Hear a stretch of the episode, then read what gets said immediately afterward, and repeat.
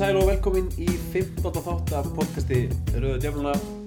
Við Rauða Djöflunir erum gladir í dag þar sem þetta er fyrsta sinn sem við fáum að tala um United á toppnum því að við höfum aldrei tekið þátt þar sem liðið sittir þar. Eh, Með mér hér í dag að ræða þetta eru Sigurjón, blessaður, Sæðuleik Maggi út á það Jú, jú, og Runólfur. jú, jú, mikið rétt. Herru, það er ímislegt gerst síðan við tókum þátt eftir tapið á múti Swansea og við höfum spilað heila fimm leiki unni alla leikin í deild og einn byggarleik en tapað einu leiki í meistaradeildinni. Eh, byrjum bara svona svolítið almennt að ræða gengið, Runólfur, við byrjum þér. Eh, Sérðu Já. einhvern mun á genginu kannski síðustu leiki og leikinum sem voru í upphafið tímbilsins Um, já, ég held að munurinn sé aðalega nýju framherrin okkar. Nýju, nýju fíni fallegi framherrin okkar. Nei, ég held að sé að einfalt á það er. Ég held að alltaf, vill ekki fara að jinxa eitt en eitt núna strax en hérna hann hefur komið mér talsvert á óvart og ég held að hann hafi komið öllum á óvart bara og ég held að hann gefið þessu svolítið nýja vitt hérna fram á þau sko. Þess að sást hann bara strax í leifbúleiknum og kannski, já, mótið sáðan tónenda líka sko. Já, hvað er það sem þeim finnst að koma með? Bara meiri hlaup, hann er bara miklu betri held einhvern veginn. Þú veist, hann fær boltan í fætur og fær hann í skrokkin og, og þannig naut sterkur og ég veit ekki, ég held að þetta væri bara svona einhver lítil hlaupa rotta sko ekki það ég veit neitt um hann skilur maður bara vissi að hann væri mjög fljótur einhvern veginn. Og þá hann bara með því að hann væri ekki mjög sterkur en hann virkar talsveit sterkari en maður hefði búist við og er almennt bara eins og sagði betri í knattspyrnu heldur en að ég bjóst við líka. Og það hefur held ég skipt sköpum svona í síðustu leikjum undanskildum leiknum gegn liðin að Eh, skora já. þrjú mörg í öllum þessum leikjum. Já, Þannig- og sáleikur er svona, var náttúrulega ekkert uh, litast náttúrulega á þessu blessa fótbroti og leikurinn kannski sjálfur var heldur ekkert skelvilegur, fyrir, þú veist, það var bara einstaklingsmistök og svona augnabliksmistök hjá leikmannum sem hafa ekki gert þau oft í vetur sem kostaði heila þann leik sko. Og eru einbyttingarleysi eða þú veist, bara skortur einbyttingu eftir þetta blessa fótbrot sko sem er heila skilinlegt held ég. Já. Einmitt, Sigurjón, hvernig líst þér á, á, á, á Martial? Í mér er náttúrulega líst bara mjög vel á hann og hérna ég er nú svo sem alveg sammála Gary Neville hérna um hann að þetta er náttúrulega frábær byrjun hjá honum. Þetta er náttúrulega, kannski segir ekki til um hvernig hann mun spila í allan vetur. En hann er klárlega hefur hérna gríðarlega gríðarlega gæði og hérna sem verða vonandi, og verður bara vonandi betri eftir því sem tími liður en hérna hann hefur þetta svona mjög gott höts á boltan og það sem eiginlega er mjög svona einstakt við hann svona miða við United framherja núna allan að síðustu ár er það að hann getur tekið menn á einn á einn. Og það er hérna það hefur svolítið vanta fyrst mér í framherjalínni að, þú veist þegar, fær, þegar framherjin fær boltan að það er, hann geti skapað sér einhverja hættu sko. Og hérna en svo er náttúrulega bara óbúðslega yfirvegaður í hérna, slúttari sem færum bara eittur á bingo. Og það er náttúrulega hérna, eitthvað sem að yfirgifur hann ekki, sko, býst ég við að hérna, þetta svona svakalega þessi, svona, já, eins og segi, þessi yfirvöðun sem að minna mann bara tölu, mér finnst hann minna mig bara töluvert á hann rí, sko. Og hérna ég er bara að vona svo sannarlega að hann muni auðlast sömu reynslu og, og verða jafn góður og Henry var fyrir Arsenal. En við allan að finnst hann bara að vera mjög, mjög spennandi, spennandi framherri, virkilega. Það eru mjög margir sem hafa einmitt eh, komið með hennar samburð á Henry og náttúrulega það sáu væntalega flestir þegar menn settu marki sem hann skoraði á myndi Liverpool og marki sem Henry skoraði fyrir Liverpool fyrir nokkrum árum saman, þetta var veist, næstuði sama markið. En kannski uh, munurinn á, á þeim tveim er kannski sá að þú veist þegar Henry kom í Arsenal þá var hann búinn að spila þú veist, 100 og eitthvað leiki fyrir Monaco og búinn að fara til Juventus. Áður hann sagt, áður hann fór Juventus var búið, lengi búið orðan við Real Madrid hann var líka orðin heimsmeistari. Þannig að hann var miklu mjög svona reynslu meiri heldur en Martial er á þessum tímapunkti en það sem kemur kannski helst á óvart með Martial er hvað hann er fullkomin leikmaður eins og Runolf sagði á hann sko, þá held maður að þetta væri bara svona vangmaður sem getur hlaupið hratt og ég sá hann ég sá hann í einn einleik á síðast tímabili það var hann í gegn Arsenal í, í meistardildinni og þá, ég myndi var hann hann á kantinum og myndi mér svolítið bara svona á, á Vilfríð Saha, þú veist, þegar hann var hann eitthvað að koma, þú veist, svona stór, snöggur, svolítið leikinn en samt svolítið hrár. Svo komum bara vel óvart hvað hann er mitt virðist vera miklu fullkomlega leikmaður en- maður heldur. Hann, þú veist, hann er ekki bara góður að slúta, hann er heldur boltanum leið í línuna, eitthvað sem Rúni hefur kannski ekki alveg verið að gera, hann er alltaf komið svo djúpt niður en, en Martial er bara frammi og, og alveg harrið sem þú sagði Sigur, hann tekur menn á og við hefum náttúrulega alltaf haft þessa framherju undanfarn ár svona, þú veist, svona þessar hreinar eftir framherju sem eru bara að hanga frammi og er ekki, og það er kannski langt síðan við höfum haft eitthvað framherju sem hefur að taka menn á, þannig sé, Ronaldo var náttúrulega kampmaður sko og við, kannski, við höfum alltaf treyst á kampmennun okkar í því að vera svona leiknir þannig að þetta er, þetta er kannski svolítið ný vitt í, í sóknarleik United, svona sögulegsi, ég man ekki eftir munið eftir Ég- einhverjum leikmanni sem Ég, mér, finnst, sko. mér finnst ég eiginlega bara að þurfa að fara aftur til bara Dwight York eiginlega, til þess að finna svona framherja sem að var svona með svipa, svipa touch sko, ég, ef þess að segir það hafa allir framherjar einhvern veginn hjá okkur verið þannig að, að þeir hafa þú veist, fengi bara á slúta í einni snertingur sko, líka við. Þetta er alveg góða punktur sko, þeir eru, eru leið og sagði þá fyrir að hugsa út í þetta, þeir hafa, þeir flest allt framir er einhvern veginn, Rúni náttúrulega var, fúst, gæti ekki boltan og kert á menn, Já, en svo með árunum, hann, Van Persie og Hernandez en þetta svona í tegnum, mikið framir sem vilja fá boltan bara með bakið í markið einhvern veginn, frekar að fá boltan og keira á markið. Og varandi Jorki, Saha var kannski, langt, ég, kannski var hann mögulega eitthvað framir sem gæti gert eitthvað með boltan, en ég, eins og þú sagðir, ég, búst, þetta er, við höfum ekki verið meina svona Suárez típu held ég bara, ég er bara, Nei. ég finn ekkert, Nei, finn engan sem ég get sko fundið sambarilega, sko. Rúni var svona kannski fyrst, það var svona alveg hrár leikmaður, þú veist, þá dundraði hann bara boltanum fram hjá leikmunum og svo bara einhvern veginn kjötaði þessi framhjóðum, bara einhvern veginn. Þannig að hann var svolítið í þessu. En við við höfum eiginlega aldrei haft akkur þessa típu af framherja, það er uh, svona skemmtilegt. En, en við getum líka svo sem hérna minnst á það þó svo að Henry hafi verið þú veist, kannski svolítið reynslu meiri þegar hann kom í ennsku dildina og svo framvegis þá var gríðarlega munur á Thierry Henry sko frá fyrsta tímabili að því síðasta sko, já. sem hann spilaði með Arsenal þannig að sko það er þetta þú veist, það má ekki gleyma því að ennski boltin er miklu harðari og hraðari og, og allt það heldur en franski er og, og þess vegna segi ég sko ok, hann er búin að skora rosa vel núna í fyrstu leikjunum og hérna bara frábært en það er ekki þar með sagt, ok, þú veist, hann skoraði til dæmis ekki í síðasta leik hann gæti til dæmis ekki skorað í næsta leik og svo kannski koma kannski ykkur þrý, fjóri leikir sem hann skorar ekkert og svo setur hann inn eitt og þú veist, þannig að ég, ég, ég ætla allan ekkert eitthvað að fara að hérna, tala um hann eins og hann sé að fara að skora í hverju einasta leik en, Nei, einmitt, en, en eitt var þetta, náttúrulega, þú veist, blaðamenni Brelli voru farin að skrifa greinar áður en hann spilaði leik við United þetta væri rándýrt flop. Þannig að þú veist, það var mjög fyrir séð að ef þetta myndi ganga illa þá myndu ennsku miðlarnir hérna, þú veist, fara að hamra á honum. En með þessur frábæri byrjun er hann alltaf búin að vinna sér inn. Jafnvel þó að hann kannski detta þess niður og máli fastlega búast við, hann er bara, hvað, 19 ára gammal þú veist, ungi leikmenn, þeir fara upp og niður yfir tímbili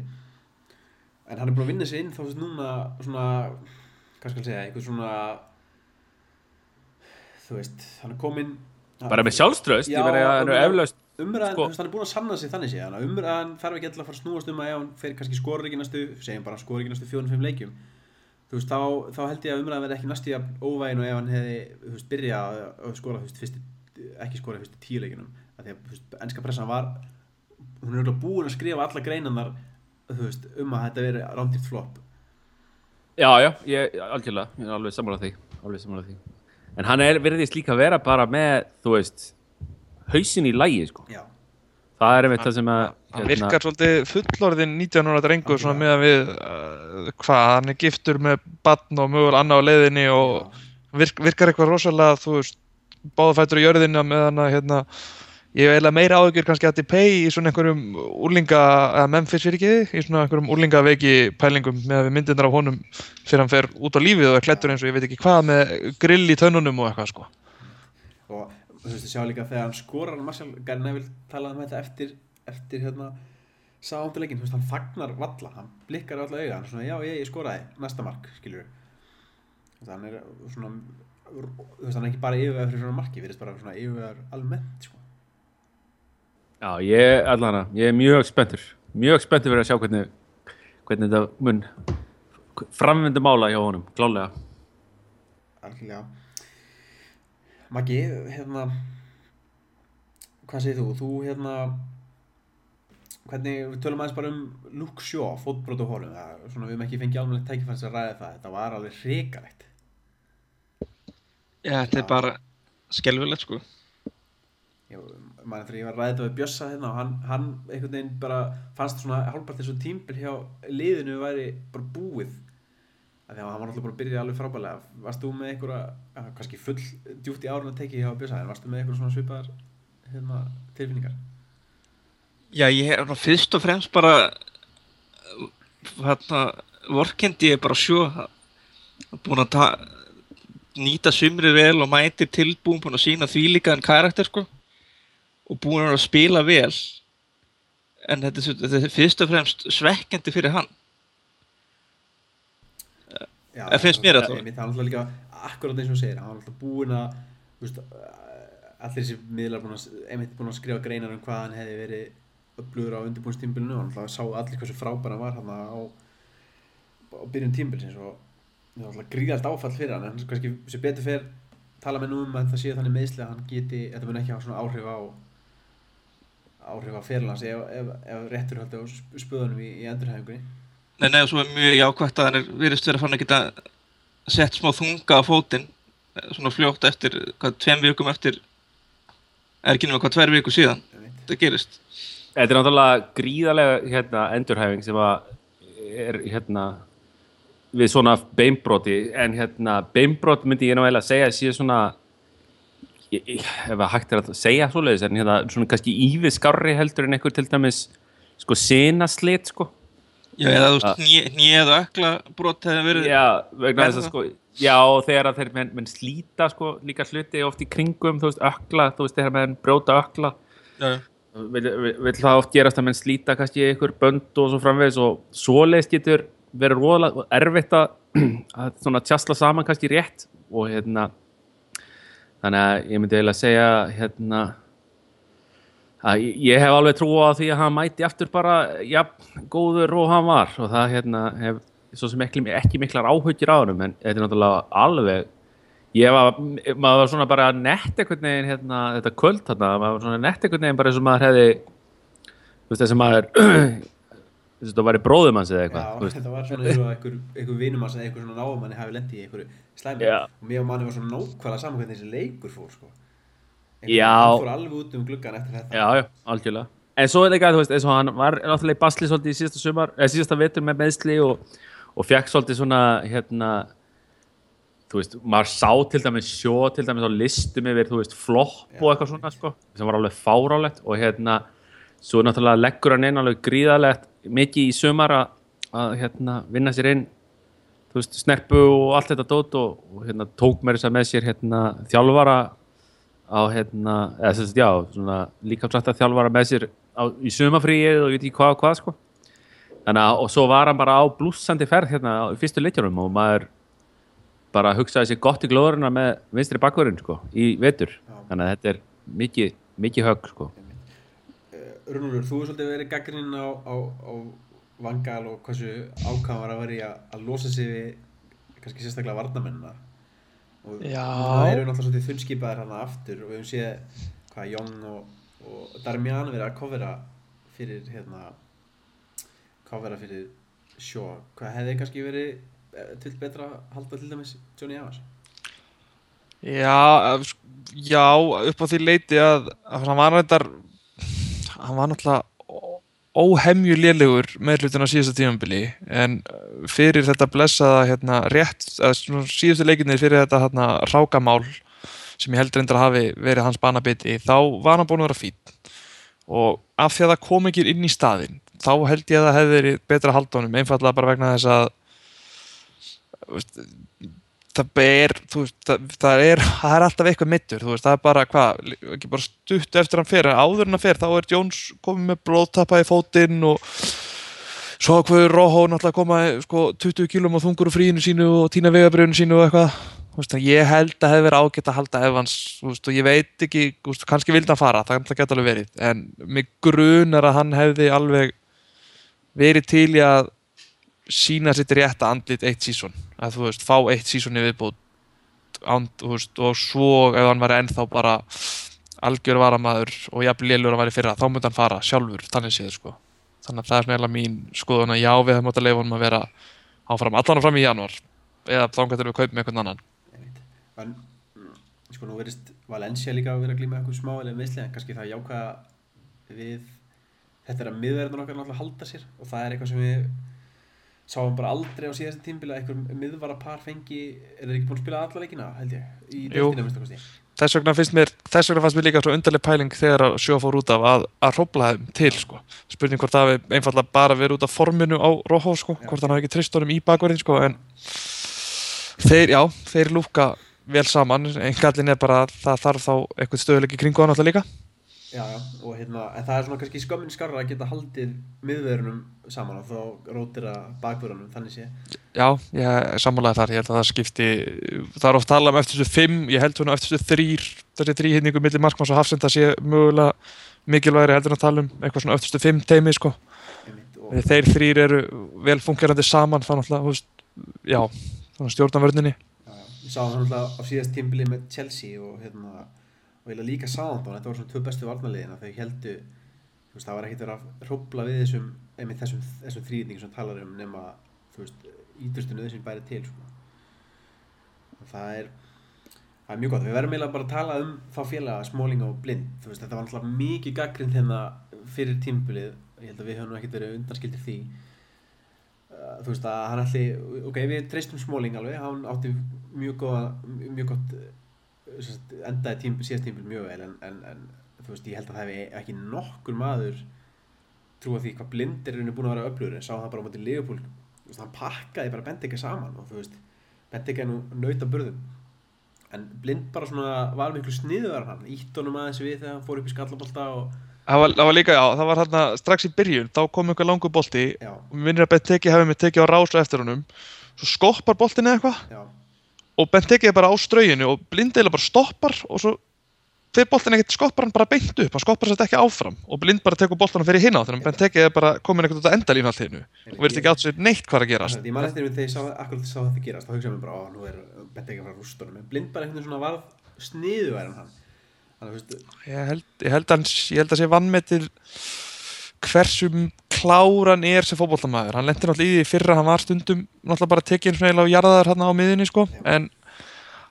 en hann, hann verðist vera klókar ef maður gefur hann kredit fyrir og verðist vera nægilega klókar til að koma sér út úr vandræðum hvað var þar svona durga. Það er einmitt það sem að við vorum, að, við vorum eftir að tala um þetta hérna í byrjun vetrar að hérna, við hefum miklar áhugjur af svona framherjum eins og Benteke og, og hérna og svo setna meir hérna mennum við vantarlega einhverjir, hvað sem það verður, Andy Carroll eða Crouch eða eitthvað, en hérna já, en hann sagði það síðan í viðtali nokkuð snemma í á þessu tímanbili að hérna hann teldi sig, eins og hann orðaði það, hann teldi sig alveg að allavega að vera nægilega gáa knaspunum til þess að leysa þessa stöðu og hérna og hann verðist mitt akkurat vera að sína það hvað hann meinar með, með þeim orðum sko. að sá reyndar á móti Sáandón leiknum í Sáandón sko, þá lendi hann í svolítum basli með Pelli þú veist, Já, reyndar mér fannst, þeir, mér fannst þeir allir í einhverju hálfgerð, það er svona eini þetta leikurinn þar sem ég fannst þeir, þeir voru einhvern veginn ekki á sömu bylgjulengt í þeim leik sko. Þannig að svo, býtu, hver var skiptingi? Magnér kom allir inn í vörðunni og fyrir Róhó hana Já, ég eftir veist það. klukkutíma. Þegar annar marki komið mitt, þú veist, þá er, þú veist, þá er svo augljóslega einhvern veginn engin tengingi í gangi sko, því að það veit eiginlega engin hver á upp pelle í því marki sko. Maður sér það einhvern veginn bara svona stara á hvern annan eftir markið og það veit eiginlega engin, þú veist, að þeir voru þrýr í kringum hann minnum mig, allan að tveir. Æ, ég veit ekki, já, það var svona einu leikur þar sem ég fannst þér út úr, úr synk einhvern veginn, það var mögulega mitt út af þessari fæslu þarna, að þú veist, Róhó var sjálfur bara Já, út út af þekju í þeim leik. fyrsti leikur sem sjó dettur henni út Já. en það var en un- þið munið eftir á, á, síðast tímabili að Vangal var alltaf að tala um að hann vildi fá þennan uh, hérna, spilandi miðvörð og þú veist það var alltaf að tala um Hummels og svona en við erum alltaf bara algjörlega komið með þann leikmann þessi sending til dæmis e, í Söndilandleiknum þú veist, hann er bara unaðar að fylgjast með þessu og ég man ekki, það var eitthvað annar mark sem hann hafði líka já, mútið Ipswich, skilur við, þú veist, það Átti hann ekki eitt á móti klubb bruggi líka, eða var það ekki einn sending frá honum? já, hann, þú veist, hann, hann er bara maðurinn kominn og þú veist, það var talað um að hann myndi kaupa hummals fyrir eitthvað, hvað, þú veist, 30 miljonir punta eða eitthvað hann er svona ekstra djúpur hérna leikstjórnandi Já, sem við þurfum alltaf að halda því að þú veist, við höldum boltanum ansi mikið akkurat á þessu svæði, þannig að það er ótrúlega gott að geta fengið smá, veist, hættu. Hann fæ líka, þú veist, það, þú veist, það er svo auðvelt einhvern veginn að hugsa út í að hann geti verið á miðinni og láta hann færa sér neðar eða eitthvað, en að hafa hann samt í hafsend, það gefur hann alltaf svona auka einhvern veginn, hann færi sér auka 2-3 sekundur líka á boltan, Já, sko. hann sér allan völd Já, ef hann er aðeins framar og þú veist, þá er ekki miðjumæður sem að miðjumæður þeim þarf að dekka og þá er bara auðvitað að elda niður og eitthvað svoleiðis en þetta er, já, þetta er að virka frekar vel sem stendur en það geti alltaf eitthvað náttúrulega höfum við líka verið að hérna stundum að ja, fólk almennt hefur verið svona svolítið verið að hlæja því að Mascherano til dæmis er látið spila í vörd sko, þú veist, hjá Barcelona. En það er svona máilega að segja að þetta sé, sé svona mjög svipu svipu pæling að, að fæla, færa blind þetta niður. Það er kannski svolítið overlegt, þú veist, við það á Englandi að það er svona kannski meiri kraftabolti og þú veist, spálverðar eru kannski meira í þessum en Mangal hefur bara ekkert áhuga á því að spila kraftabólta Nei, en, en, en andstæðingarnir gera það, sko. Nei, nei, já, já, þeir gera það Það er en glíma ég- öll í frammeira, en þetta er samt algjörlega sama pæling, sko Þannig að þetta er eiginlega merkilegra að þetta skulle vera að virka hérna á, á, í ennska boltana Þetta, það er einmitt, ég held að hann hafi séð í raun og veru hérna blind bara geta leist akkurat þetta sem, er, sem að þeir eru að tala um sko. hann sé akkurat rétt í maðurinn í það að hann bara- tal, talaði hann ekki um það þegar hann keift hann að hann gæti spilað hérna, vinstra megin í þryggjamanna vartalínu Já, vinstri bakvörð, vingbak og á miðjunni. Já, svo virðist hann bara hafa þróa það að hann gæti spilað vinstra megin í tveggjamanna vartalínu já. Og þú veist, að því að eins og staðan er núna þá er líka Smalling hann er nánast á við tvo hann oft á tíðum Já, sko. hann er náttúrulega, við, bara, við verðum eiginlega að taka hann líka fyrir, sko, þú veist, það, ég ætla bara að henda þessu fram, það er engin miður í ennsku boltanum afgóður á hann, akkurat núna. Ég ætlaði að tvíta þessum daginn en ég ákvaði að leggja ekki í það sögum þess að ég nefndi ekki að fara að rífast við fólk. En já, ég er eiginlega 100% sammálaður akkurat núna. Þú veist, hann er, Já, hann er, hann er bara allstaðar á vellinu, hann er, þú veist, hann er mættur framar, svo er hann, tekur hann að rást þess að elta leiknum sem komur í gegn, hann er alltaf mættur þegar kantmenninni á anstæðingunum koma, komast inn fyrir varnamenninu okkar og gefa fyrir, hann er alltaf mættur fyrir frá markið til þess að blokka það. Og, eins og ég sagði, fyrir utan, fyrir utan sáðandónleikin þá virkaði hann var hann ekki alveg já, en þú veist, allir hinn leikir sem ég sé með honum í vetur þá virðist hann bara vera það hann hefur tekið eitt veist, sjó tók stórt skrif í sumar en Smalling hefur tekið bara held áfram þessu skrifu sem hann tók í fyrra og tók svo bara risastórt skrif áfram í sumar. Man finnst það svolítið vera að tjannila bara vitið, sko. Það er ótrúlega keimlíkar framistöru, við vitið sem var alltaf út um allt, alls þar að redda því sem, hérna, það sem klikkaði og, já, það En- smálega, hann er svona meira hybrid af Ríó og Vitits hann er svona Nemanja Ferdinand típa. Að hann er líka snöggur og svona fljótur að eins og þegar Ríó på sitt besta Já, ég, ég, mér, hann er hann gefur mann svolítið með þetta besta orðin báðum sko. Ríó las leikinn og, og Nemanja sá svo um skítverkin þegar á þurfti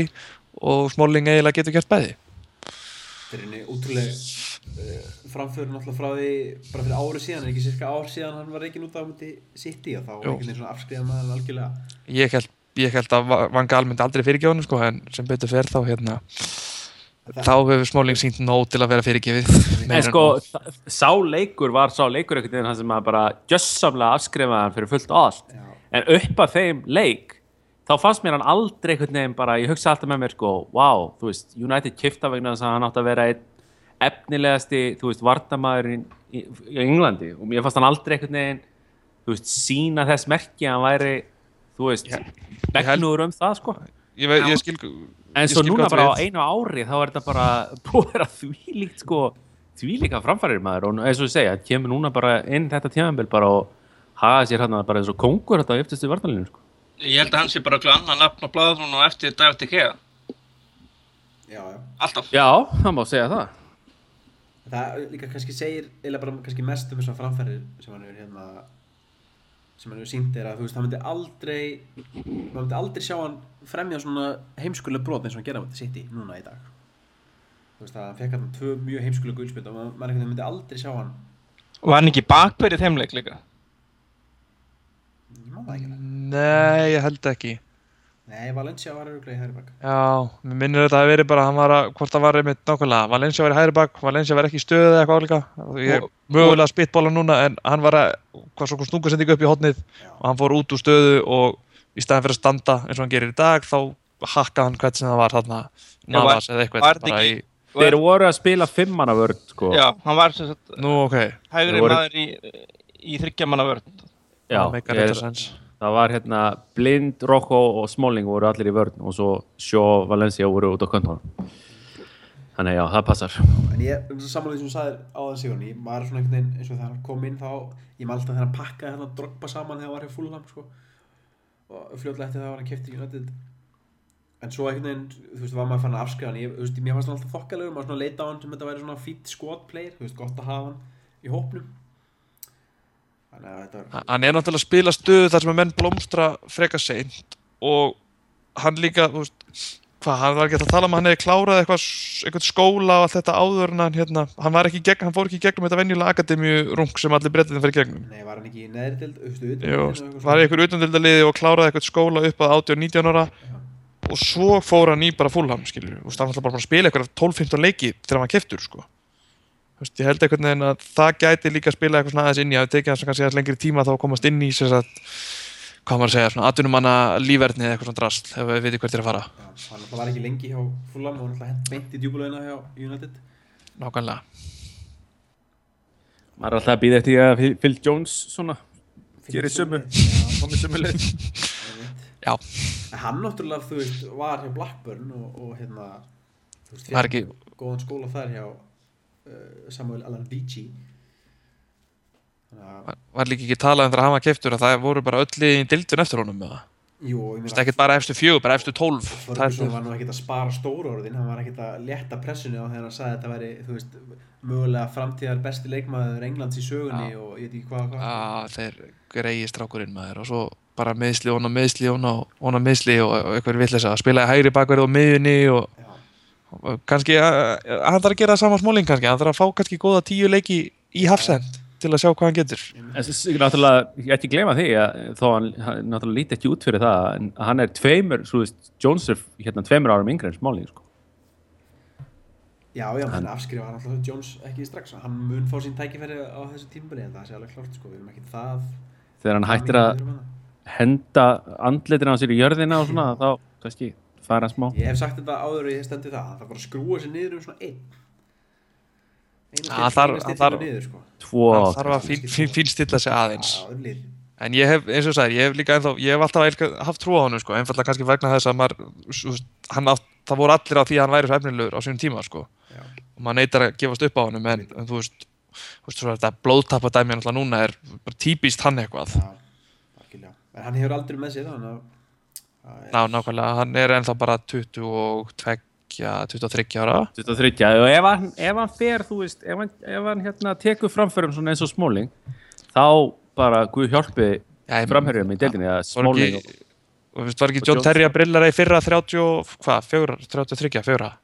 Já, já. Jó, já, hann er náttúrulega búin að brilla það í all, all mörg ár reyndar, John Terry. er, ég er að segja það, sko, en þú veist, það er ofta einhvern veginn, það er rétt. ég meina- Hafsendar eru aðeins svona, trátt fyrir að varan hann hjá Madrid og svona sé að, þú veist, ungur og góður, þá einhvern veginn tekur Hafsenda, að mér finnst allan að taka á lengri tíma til að svona, svona stíga upp og verða, já, góður og eiga alltaf að verða. Þeir eru svona late bloomers. Já, er alltaf, ég hef, já, ég samla því, þú veist, þetta með þetta 20, toppa 27, þá finnst mér einmitt Hafsendar og markmenn og allt þetta, þeir sem eru aftur á vellinum, þeir eru einhvern veginn, því klókar það svo ert, því betri ertu aftur á vellinum. Og með það er auðveldar að bara vera fljótur og explosive þegar þú ert framar. Við svolítið spila svona mótið hvort þau eru oft. Já. Heru, færum okkur hans framar á öllin og við verðum að tala um uh, Bastian Schweinsteiger. Þú veist, maður trúir ég allavega einhvern veginn að hann sé í, í þessu United-liði og að horfa á hann koma hann inn í leiki og bara gjörsalega, þú veist, klára þá bara með því að svona róa allt niður og, og hann tekur stjórnar leikinum og, og hvað var ekki en daginn var staðfest að hann hefði kostað hvað, 6-7 miljónir punta bara ránum hópið sem dag, ekki að milli fara nokkru fleiri miljónur á, á hérna, bæði munnin Jú, ég, ég skal gera það bara. Nei, það, hann er náttúrulega búin að vera alveg bara, hann er bara, hann er bara skóls, hann er bara að gera það, þú veist, Ég held líka að hann fekk svo instant virðingu þegar hann mætti á svæðið. Þetta er svona, þú veist, ég held að Robin Percy að fengi þetta sama. þú veist, Það er ekkert margir sem mæti United og það er allir bara, vá, hei, þessi náðungi, ok, toppurinn. Þú veist, af því að ég held bara hver einasti leikmaður, líka, þú veist, Karrik og þeir hafi verið bara, þú veist, þessi maður er þetta góður og það þurfti ekki að sanna neitt, skilur, og það er að hlusta allir á hann. Bara hver einn og einasti leikmaður held ég að, bara þegar hann segir eitthvað, sama hversu bjöguð enskan er, sko, þá held ég að þessi allir að hlusta, sko. Hann er náttúrulega stórkostlur. Ég meina ángríns, ég held að hérna, sko, úslitaleikurinn á HM, það sem að hérna, þjóðverðinu unnu Argentínu 1-0, ég held að það leikur Svænstakar sé bara eitt besti einstaklings hérna, framtak sem ég bara séð á fólkvöldavelli. Þannig að hann hefur sínt það á stóru mómentum að hann er klára tröstinsverður og, hérna, og bara ég, við vorum náttúrulega allir samanlega um það þegar að hann var að þetta væri bara stórkostlega kaup líklega einn bestu kaup sem að hérna, United hefur gert hérna undanfærin ár. Og, hérna, og það hefur ber, bersinlega komið í ljós núna þegar að hinn rétt að tala er komin upp á öfuborðið maður finnst líka vangal nota hann svo skynsalega þú veist, hann, hann byrjar einhver leikir svo kemur hann inn á akkurat á hinn tímabúti sem veist, þarf að halda þegar kannski liðir, kannski aðeins fyrir að missa tökjum leikum þá kemur hann inn og bara tekur við stjórnartöfunum bara um leið sko. Já, hann er mjög kló, klóku með, með þá félag Karrik og Svanstekar þeir eru náttúrulega báðir með svona fitness issue eða svona meðsla tendensa þannig að þú getur notað það svona saman svona á svona 60% í hverjum leik og það náttúrulega færðu miklu meira út úr þeim og lengur í allan veitur já, algjörlega. Algjörlega. Svo finnst mér nú alveg þess verið að minnast á snætilegin líka. Mér finnst hann hafa sínt bara flotta bolta sko í þessu leikin sem maður hefur fengið að spila. Já, hann kemur kannski með hann á miðuna sem okkur hefur kannski skort svolítið. hann er, hann balansar þá út svona hvað var það róleheit og yfirvegun í, hann er aggressívari, talsvert tráttur að hafa verið að spila reyndar náttúrulega aftari á Sándon, þá var hann að safna svolítið að spjöldum með mitt vegna þess að þegar það þurfti að stoppa skýndisóknuna sem fengi á sig þá var hann bara látin taka á sig. Oftar en ekki, held ég. Og er svona í en já, ég saman hann er búinn að koma vel inn í þetta og hann gefur okkur svona aðeins já, aðeins meiri tuttaskapamiðina sem hefur vantað svolítið í blind var ekki alveg að delivera það í fyrra. Hann og Karri kannski full passífir hann þegar það kom einhverju tuttar á mótið þeim sko Saman því. Ok, færum okkur þá aðeins framar á völdin aftur. Um, sko, Memphis Depay, hvernig, Maggi, hvernig finnst þér hann hafa byrjað í United? Sko hann er búinn að byrja svolítið eins og ég bjóst við að Martial myndi byrja, það myndi taka smá tíma að detta inn í kúltúrin og svona finna sig og svona og en en svona ég ekkert verið ósáttu við hann. Bara mér finnst það fullkomlega bara svona eðl, eðlilegt. Minn, hann, strákan er, hann er, minna, hann er 19 ára kemur inn í skúr hollenska boltan sem er tölvöld verri bolti heldur en að spila á Englandi eða standardin er lagri þannig að það er bara skilinlegt að tækja lengri tíma en mér finnst hann sína jákvæðu hérna merki. Eins og hérna ég meina það er bara tímaspilsmál hvernig hann dettur í syng við Rúni og, og þess að félaga hérna í kring? Já, ég er samanlega því að hann hefur svona, ég meit, sínt alveg rosa flotta, flott höts svona, hérna, öðru hverju. Og náttúrulega ekki verið neitt, neitt svakalega stabíl ofta á hvernig hann er að á, á sína framistu, en hann er samt þessi leikmaður sem að svona þú veist, þó svo að sé kannski slak, við getum sagt að sé slakur í einhverju leik, þá getur hann alltaf inn bara að tekið upp á því að skora, sko, og hérna hann er náttúrulega, það er alltaf ákveðin svona óg uh, sem kemur frá honum þegar hann er með boltan og hérna þannig að eins og, og Maggi talar um að hann svona, hefur kannski þurft svona smá meiri tíma að synka sig við ennska boltan og svo framvegist það eina, eina sem ég get sett út á hann akkurat núna er það að hann er ofta sko klúðra einn á einn sko, á markmann það er hérna, þú veist til dæmis eins og móti, móti hverju var það það sem að var söndilega hann setti boltan framhjá eða var það þá? Næ, Klúður er algjörðu döða frá mútið Sönderland, það skaut beint á... á Já, hann skoði beint á markmann, alveg rétt, hann skoði beint á markmann, en svo var í öðru leik, hvort það hefði verið, ég man ekki alveg nákvæmlega núna hvaða leikur það var, en hann kom einn á móti markmanni og sett hann sagt framhjá. Ég menna að það hefði verið Southampton frekar en PSV. Uh, en hérna, setur á framhjá markinu veist, það er bara hérna já, veist, þannig að hann hefur fengið nokkur svona færi það sem að þú veist, hann á allavega að vera að setja hann á ramman ef ekki inn sko, hann hefur klikkað því en eins og segi, ég er bara ágætlega sattu við hann eins og er sko. Ég held, sorry, ég held að þegar að hann dettur í gýrin og hann og Martial eru saman inn á þá, veist, þá fara varna mér svona aðeins að hugsa fyrir leikin djöfullin í þessu veist, bara hægri bakvarun hjá hinu liðinu skilur þú veist, þegar var- mætir Old Trafford. Svona eins og þetta var í gamla dag. já, þú veist, hægri bakvarun Bournemouth þeir að fara að hugsa hann mætir, ef þeir mæti eitthvað manni, þú veist, þeir eru svona fara að líða tíðanbilið og segjum að þeir eru báður á flugi hann ennir ekkert að vera inn á vellinu það er bara að fara að leggja hann í einelti. Þú veist, hann veit það bara. Þú veist, þeir, þeir eru nefnilega, mér finnst þeir strax einhvern veginn vera að byrja að linka saman, sko. Martial dreifur sig aðeins til hlýðar og veist, svo ég held að þú gefur þessu 1-2 mánuð og Debay aðeins, Memphis lifti sér aðeins, já, upp á herra level kannski og Martial heldur sér áfram dráttir ég reikna ekki með, eins og Sigjón segði áðan, þessum stöðuleika út tíðanbilið þá held ég að þetta eins og í gamla dag að nokkur er að varnalínunni og hinu liðinu þeim langi bara heim en að leikunum byrjar Það er náttúrulega markmið, það er bara markmið hjá stjórum næstu nætti. Það er að, það er að, verði aftur þessi stemming þar sem anstækinn hugsa bara fyrir leikinn hversu stórt er að fara að tapa þessum leik. Það náttúrulega hefur ekki gengið upp þegar anstækka mætur hann á Old Trafford og Nei, kannski aðeins fara að reyna en síðast tímbil og þar síðast tímbil menn mættu bara að hugsa að vera, er nú ætlum við aldrei að taka það það Van, Gaal tók samt ágætt að díla við að þú veist, já segi það þegar það- liðin hann í fyrra fór að mæta og ætti að byrja að pressa United og eitthvað, þá funkar þessi fella inn í taktík hans alveg fullkonlega sko. það. Þannig að þá svona fór þetta að snúast við og nú kannski erum við að fara eins og Söndiland þau eru engan áhuga á að gera nokk skapa hlut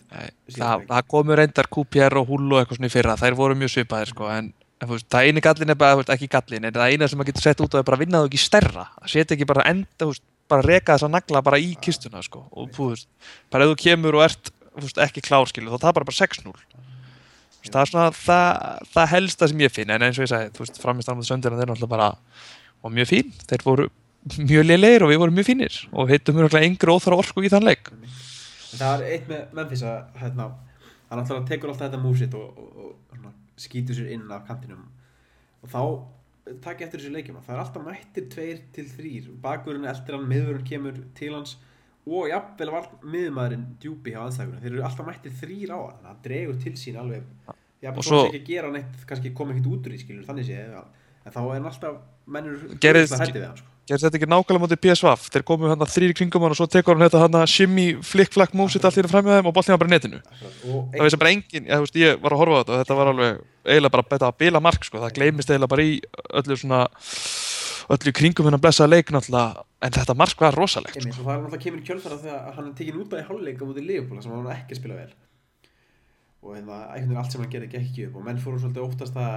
að hann, hvernig hann myndi hafa hvað áhrif þetta myndi hafa á hann að þú veist, það er alveg uh, mér er mikið ritað á það, þú veist, hann er alveg svona brotættur andlega, hann þarf, hefur þurft á mikill hjálp að halda hjá, þegar hann var hjá PSV og þannig að menn voru að velta fyrir sér hvernig hann myndi bregðast því að vera tekin út af í þessu stórleik þú veist, hann tróði alveg sokkum upp í það sem skrifið það þegar hann skoraði þetta indisla mark. Og hann hefur verið fín eins og mætti Sándón og, og hérna Söndrall átt góða leiki eftir það það, það er augljóslega það er líka, þó hann sé ekki endilega kannski að skora að leggja upp þá sérðu samt að það er bullandi ógn af honum. Þú veist, hann er í færum þú veist, hann fekk færum út í Sönderland og þú veist, það er, ég held að þessi hund leðilt að mæta honum. Og þú veist, og svo, einmitt, svo bara gefum hann á það að hann er ennþá barn, svona upp að vissu leiti hann er fjórum árum yngri en ég og ég til mér nú ekki gamlan en hérna, þú veist, maður leikið leifunum aðeins kannski að, að þroskast og þá, þú veist, þá geta hann vonandi orðið bara jafn góður og ná að verða það eina sem ég get sett út á ver- sem stendur er það að ég ætla að sjá eitthvað sem aukaspilnum sem hann átt að vera hérna, þekktu fyrir í Hollandi. Líka hans eru búin að vera skelvilegar í vetur það sko. var engin leikmaður í Európa-boltan sem skoraði fleiri aukspilnum úr auk, fleiri aukspilnum en hann á síðast tímbli þannig að það, já. Hefur ekki líka bara verið í raun og veru Nú reynda bara manni ekki Hvernig hafa þessa aukaspinnur Hefur hann tekið flestar af þessum Já, aukaspinnum hann að taka engu, þeir hafa nú samt kannski svolítið verið að nota en hann hann, hann, og- hann og Mata skipta þessu svolítið millir sín en hann er búin að vera að taka þegar hann tekur það líka þá er það, finnst mér það er oft bara svo afspyrnu lélegar. Minnir maður svolítið á Ronaldo oft á tíðan þannig að ég meina, ok, hann var alltaf talað um hvað hann var frábært að taka aukarspinduna fyrir hverja tíu aukarspindur sem hann tók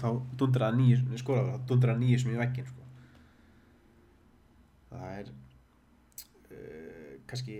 samlíking sem hættir að taka úr þessu. Já, já, ég verð alveg samlæðir það, það er, veist, ég, veist, ég vil sjá hann oftar einhvern veginn. Ok, hann tók reyndar eina held ég á móti Sönderlandið það sem boltið var svo laus sko að markmann hefði getað sest niður og gripið hann bara, veist, en annars þegar hann reynir sér hann bombomarki þá er mitt ferða bara Já. á sporbraut eða bara beinustu leiði veggin og hann leikur um daginn þegar hann tók aukarspundurinn kanti í eina manni, það var einn maður í vegg og hann bombaði hann sko þá svona aðeins fór ég svona, já já, nú þarf þetta að fara að gera eitthvað alveg þessu aukarspundurinn hér bara láta Andreas Pereira taka þessu aukasmyndir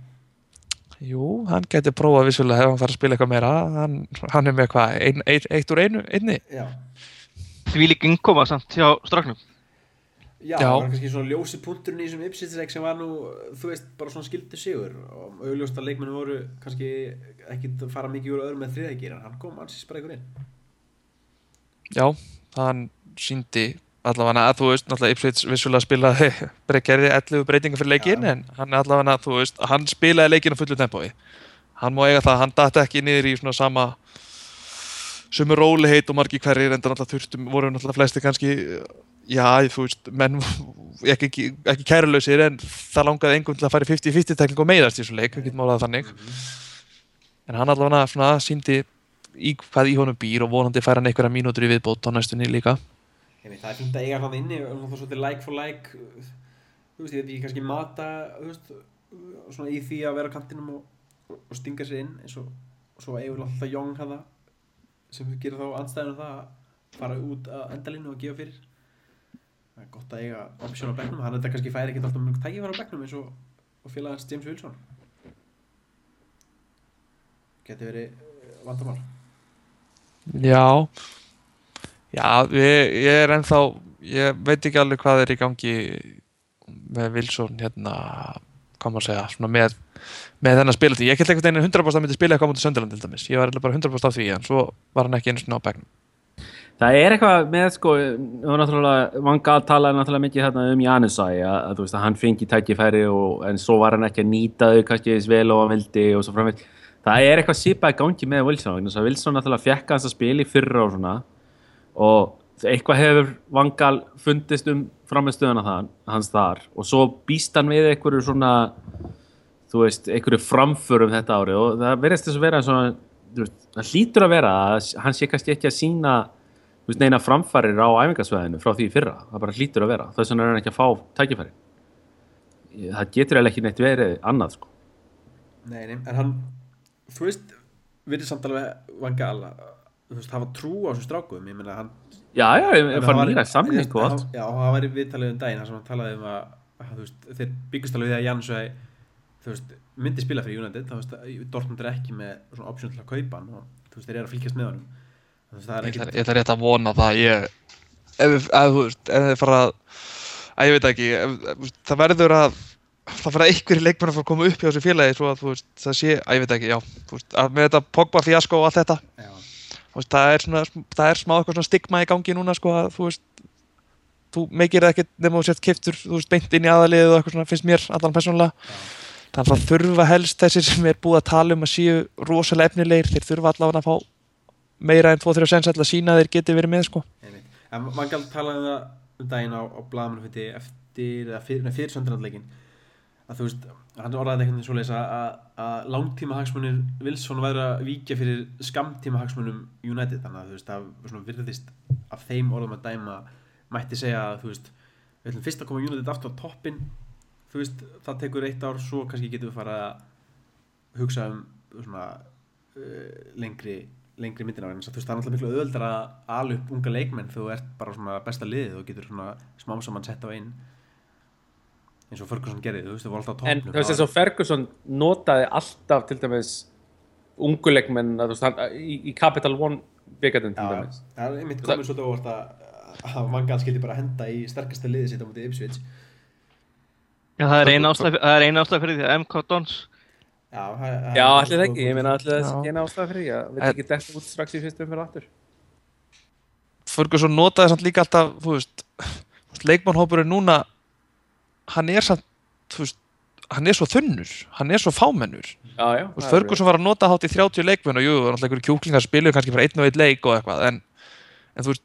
þessi kjúklingar núna eru þá kannski Patti Magnero og einhverju fleiri og, veist, og Wilson og veist, það er ekki svo Martial og Sjósi, þeir eru bara jafngamlar og Wilson sko. Er ekki þannig að, ég veit ekki, ég, það sem ég hræðist mest svona var það restina af tíðanbylinu og framtíðina er það að ef við lendum í einhverju basli kringum jólatörnina og eitthvað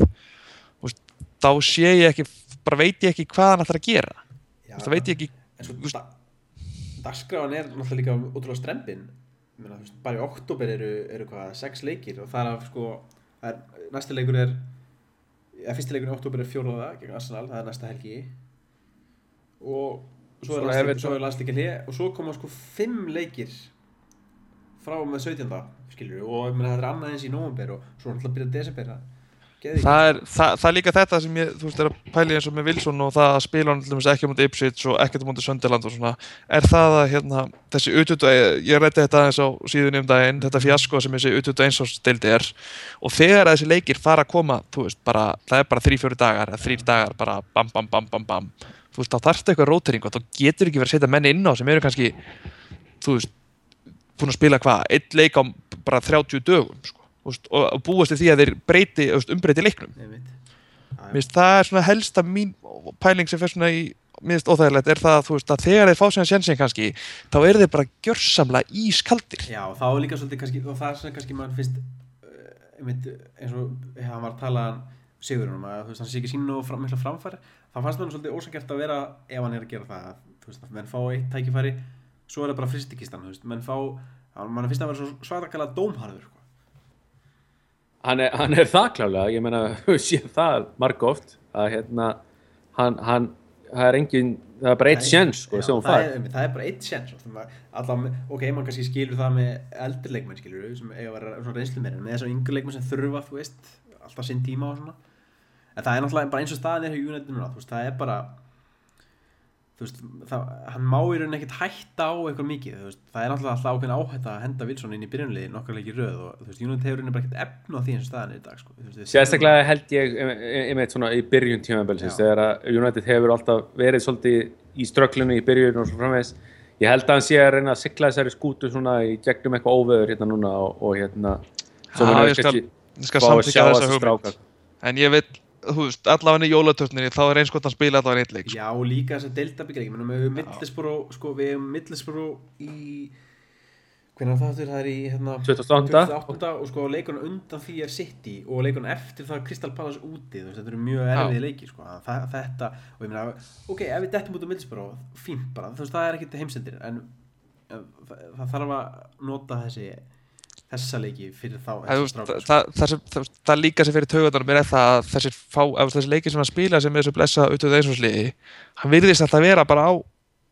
allt öðru leveli, þú sér mörkin og leikjunum og reyfingarnar hjá honum, hann er með eitthvað bila tölfræðin alltaf hana og þú veist, hann- ég held að hann græði bara ekkert á þessu. Nei, veist, hann og er- plúsa ég held að sé alveg ekki, ekki gott að segja það en ég held að sé svona þú veist, hann á kannski aðeins erfiðar með að mótivera sig fyrir þessa leiki þegar hann veit sjálfur að veist, hann er eiginlega bara komin á annan level eða skilur hvað þér að fara? Ég, veit, ég, ég held að þið veit líka alveg af þessu að þú veist, hann talaði um að e, hann myndi mögulega fara að lána í desember þannig að menn vilja kannski halda hann núna á meðan Martial er þú veist inni. E, e, ákvæðan fór ekki hann er, hvernig var það? Já, gæti verið að þeir vilji halda honum já fram yfir og sjá er mesta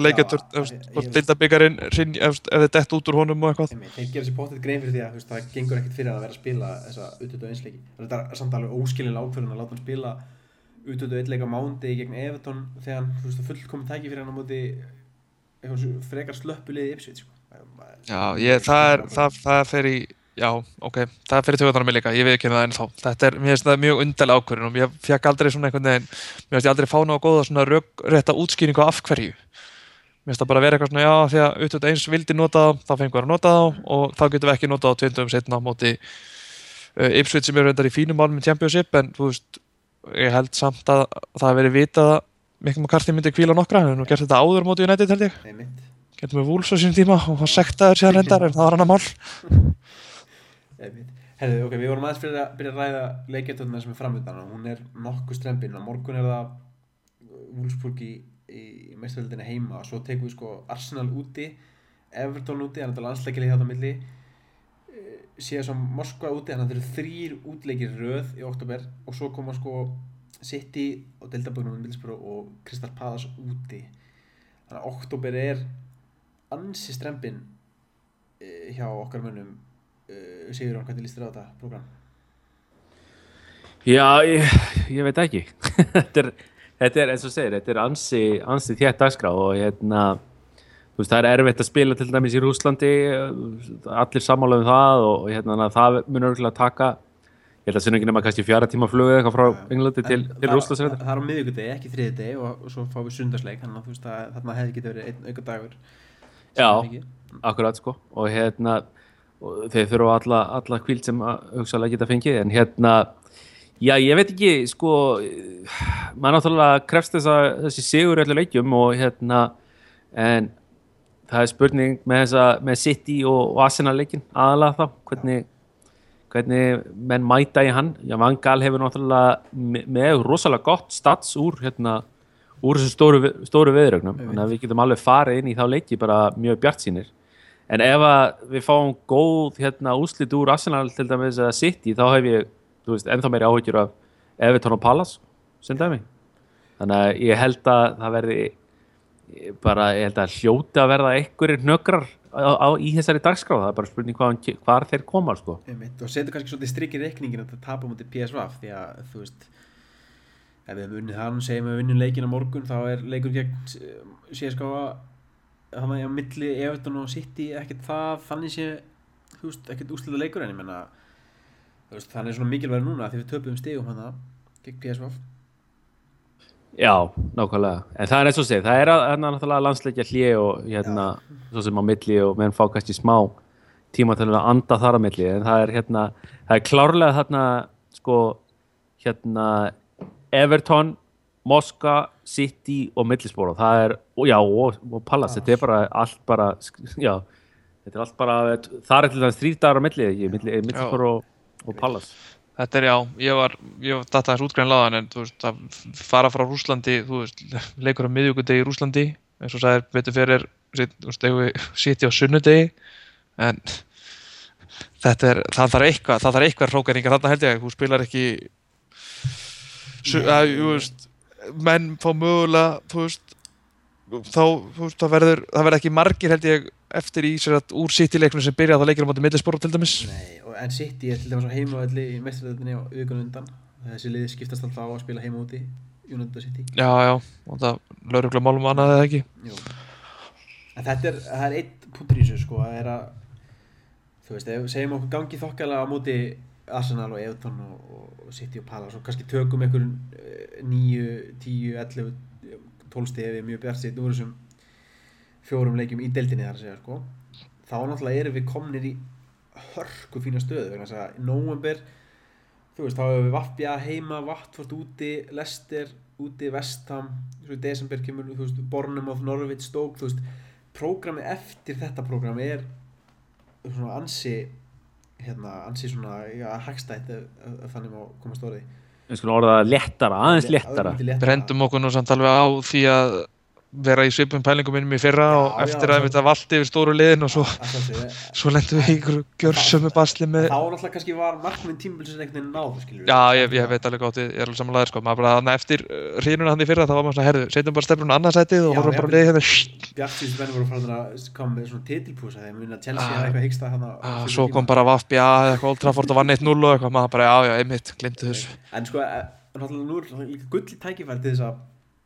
einmitt, að veist, koma hann í Arsenal-leikinu og Everton-leikinu og City-leikinu og bara koma með smá statement sko, að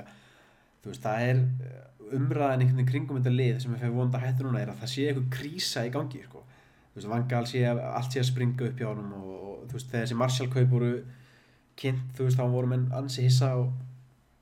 tölum um þetta sem panikaup sem þetta náttúrulega vissulega voru einhver leiti en umræðan í kringum United hefur verið svolítið neikvæð fyrst manni alltaf hjá kannski stundum með annar liða og ímsum uh, fjölmjölum en þú veist ef við komum sterkir út úr þessari viðrögn þá náttúrulega fáum við það svona momentum sko, fólk fyrir að tala um United aftur svona þú veist uh, eins og við séum loksins orðið aftur sterkasta liði í, í deildinni. Og ég held að það getur orðið alls mikilvægt sérstaklega fyrir þessi litlu lið sem mun það hugsa bara, heyrðu it, þetta er bara búið sko, við þurfum ekki að spila hann leik Já, menn alltaf er alveg ná, mjög rétt. Það er hérna, þú veist maður sér töluvert núna eftir að United komst á toppin en síðustu helgi, maður sér töluvert talað um það svona meðal fótbolta áhamanna bara hvernig stendur á því að þetta United lið Já, er, er í toppsætinu sko. Ég var ekki að tala um Leopold, eftir er við unum Leopold að var ekki talað um að lélega sig United lið eitthvað. Já, þá var mikið að Leopold stuðnismennu sem töluðu svolítið þannig en við getum ekki inn í lélegasta United lið síðustu 20 árin þá getum við nú ekki gert neitt og eitthvað bla bla bla. En ég held að þetta lið það sé nú meira spunni í það heldur en að menn gefa þig kredit fyrir sko. En En svo, svo er líka fáur sem að ofmeta liðið sitt jafn svakalega mikið og stuðnist með Liverpool. já, það er, það er efni annað podcast held ég. En já, ég skal alveg vera sammálaðar þar. Allar margi hverjir sem ég þekki persónulega þeir, þeir ofmeta lið sitt og leikmenn full harkalega oft á tíðum. ekki, ekki stundum með United, við erum frábærir Já, rétt. Og við, við- við raunsægir og alltaf. En við erum það frekar, sko. Þó, Örugglega, í- örugglega. Þó, þó að maður verið orðin bjart sérn og annarsettið þarna í fyrra. Ég við ekki það alveg. Já. En það maður nú svo sem segja um hérna þessa deild í vetur að hérna, þú veist, hvað, það eru hérna, til dæmis, það er mikil krísa hjá Leifupúl núna, það er nú hins vegar bara fjara stega munur, sko, á, Algjörlega, sko. Nei, fimm, fimm stega munur er það ekki, jú, fimm stega munur á, Henn er alltaf rosa fljótur að kalla þetta krísumerki, sko. Já, það eru bara að sjöum sko- fyrir búnar, sko. Ég venjulega nenni ekkert að spá í töflunni fyrir tíum fyrir búnar. Þú veist, ég var líka tölfræðum daginn að það er fleiri úti sigrar heldur en heima sigrar komnir í deildinni, sko. Já, það er nú Þannig að þú veist, það er svona, það er eitthvað svona balans off, það vantar eitthvað svona, það er eins og eitthvað svona, svona shifting balance í deildin eitthvað núna, hvað var það líka, þú veist, það er lítið lið að vinna, að þú veist, það er eitthvað svona, það er eitthvað lítið hægt að reikna með úslitin núna. Ve Vestam er að fokka allir upp. Já, þeir vinna bara Vestam og liðinu Og Leicester og Leicester, Leicester. það er eiginlega það sem að kemur mest á óvart í þessari deild, svona, hinga til, er hérna, er Leicester hreinja, Chelsea er náttúrulega bara í ykkur algjöru bulli En það er engin krísa þar, þeir eru samt bara í Já, 15. seti. Það er nú, Lækka þeir bara að segja upp og svona. já, það það er Arsenal svona mallar Arsenal mallar í sínu, Sínu- venjulega að fara einhvern Já. veginn. Í sínu Arsenal fari. Að En eh, já, með, með þessa þrjá útileiki eftir Wolfsburg-leikin, þá held ég að við getum svona aðeins kannski farið að skeila tímabilið eftir stigasöfnun á móti Arsenal, Everton og City. Já, þá, og Krista Pallar, þetta er svona eh, kannski með erfiðust útvöldur og þá náttúrulega vitum við rosalega vel hvað liðið stendur Ég er saman á því. Við, þá ættum, ættum að geta að segja betur svona líka, þú veist, þá eru deild komum stærri betur mynd á deildina, sko. Já. En eins og staðan er núna, þá held ég, þú veist, að bara, veist, viljið sjá liðið sækja bara til sigur sem móti, þú veist, á þessum útilegjum, eða viljið viljið sjá meiri vangal aðferð og svona conservative approach. Já, ég meina, þú veist, hann er náttúrulega, þú veist, hann er ekkert að sækja til sigur, hann spila bara sín bolta. Þú veist, þannig að við erum Já. alltaf að fara að stjórna þessum leikjum held ég, ég meina, við sjáum Við vengir áttum þetta í, áttum í gjörsum við basli með Arsenal þarna í, var ekki báðanleikjum fyrir? Var það fyrirleikur, útileikur, bara alveg bara, Í, í báðum leikinum, en við, líka við sáum kannski Arsenal líka breyta svolítið sinni taktík og, þú veist, vera svona meira tilbaka, já, þannig að, þú veist, ég held við séum að fara kannski, nefnum, kannski mútið City sem verður örugglega bara mjög jafnleikur, held við séum alltaf að fara að stýra ferðinni, sko. já, getur við, ég maður bara, ef þú gæti gefið okkur smá svona, Lukaku gæti eitthvað hrætt Já, já, hérna, blind. Arsenal, það er stú, þetta liðið stútvöld að gæðum, þetta verður mjög erfið leikir. En það er eins og Tryggvi segir, ég meina, þú veist, Van Gaal, það verða ekkit, verða enga breytingar á henni, Van Gaal verður bara heldur áfram með sínu, hérna, nasista stefnu bara á, á því hvernig á að spila fótbolta og hérna, það mun ekki breytast, það verður Það bara eins og kemur það verður. sko. mest á óvart líka hvað hann hérna, veist, ég er alltaf að býja eftir að hann takir sér til og svona gera eitthvað óvænt, eða skilja hvað við, þú veist, að það mennur svona farið að átta sig, veist, á því, veist, þó það virkir náttúrulega, það þarf, þá mennur svona farið að sjá hvað hann vil gera og ég er ofta að býja eftir því að hann snú einhverju við, eins og að var ekki spila fæla íni á móti Chelsea fyrra, það var svo augljóst að Chelsea var örgulega að fara bara að mannmarka fæla íni hérna á, þegar hann var búin að vera rauninu sínu, bara zooma á miðuna og fjóri hafsendar í vörð, skilur og eitthvað, þú veist, ég er að býða eftir eitthvað svoleiðis en hann er svo fastur. Veist, hann er svo einskorðaður í sinni stefnu nasist stefnum sinni, að, veist, það er ekkert hægt að koma með brautinni sko. Nei, mitt, hann er, hann, mætti vera kannski örlítið klókar akkur í þessum efnum. Og þetta er kannski það sem allavega ég horfi til næsta stjóra skilur að hann að mér, mér finnst, mér líst ágætlega á hann að bolta sem Vangal spilar sko, þannig sé finnst það- verður mjög fýtt grunnur hvernig á að, þú veist, vera svona sterkasta liði í deildinni en það vantar einmitt akkur það sem þú segir það vantar kannski meiri svona klókindi og það er það sem ég vil sjá næsta stjóra ég vil sjá hann byggja hún á vangar en samt svona vera þú veist alveg með option á því að vera ekki alltaf í nákvæmlega sömu stefnunni sko. Já, við gerum sér það saman Barcelona sko, svo líða svona 2-3 ár eftir hann er farin sko, og svo verðum við bara besta liði í heimi.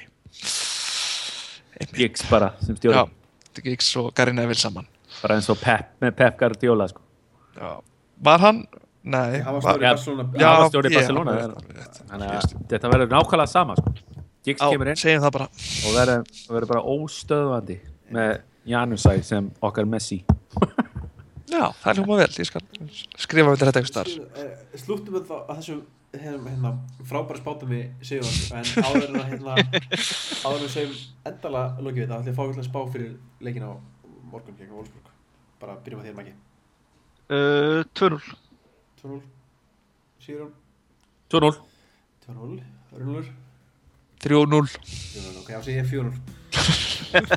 Ætla, að fa- já, ok, ég ætla að, ég segi 1-0 þá. 3-0 er kannski full, þá segi ég 3-0 Fáum okkur mark eftir 37 sekundur á morgun. Ég held að það hljótið þá að gerast. Já, já, þetta var ágætt. Herri, já, við þakkum okkur fyrir að hlusta okkur, við kannski reynum að vera lítið fyrir á ferðinni næst, þetta nú að gerast. Já, nei, ég ætla ekki að lofa fyrir erfinum, það er landsleikin hérna milli, við verum örgulega bara tíma. Allavega, eh, takk fyrir okkur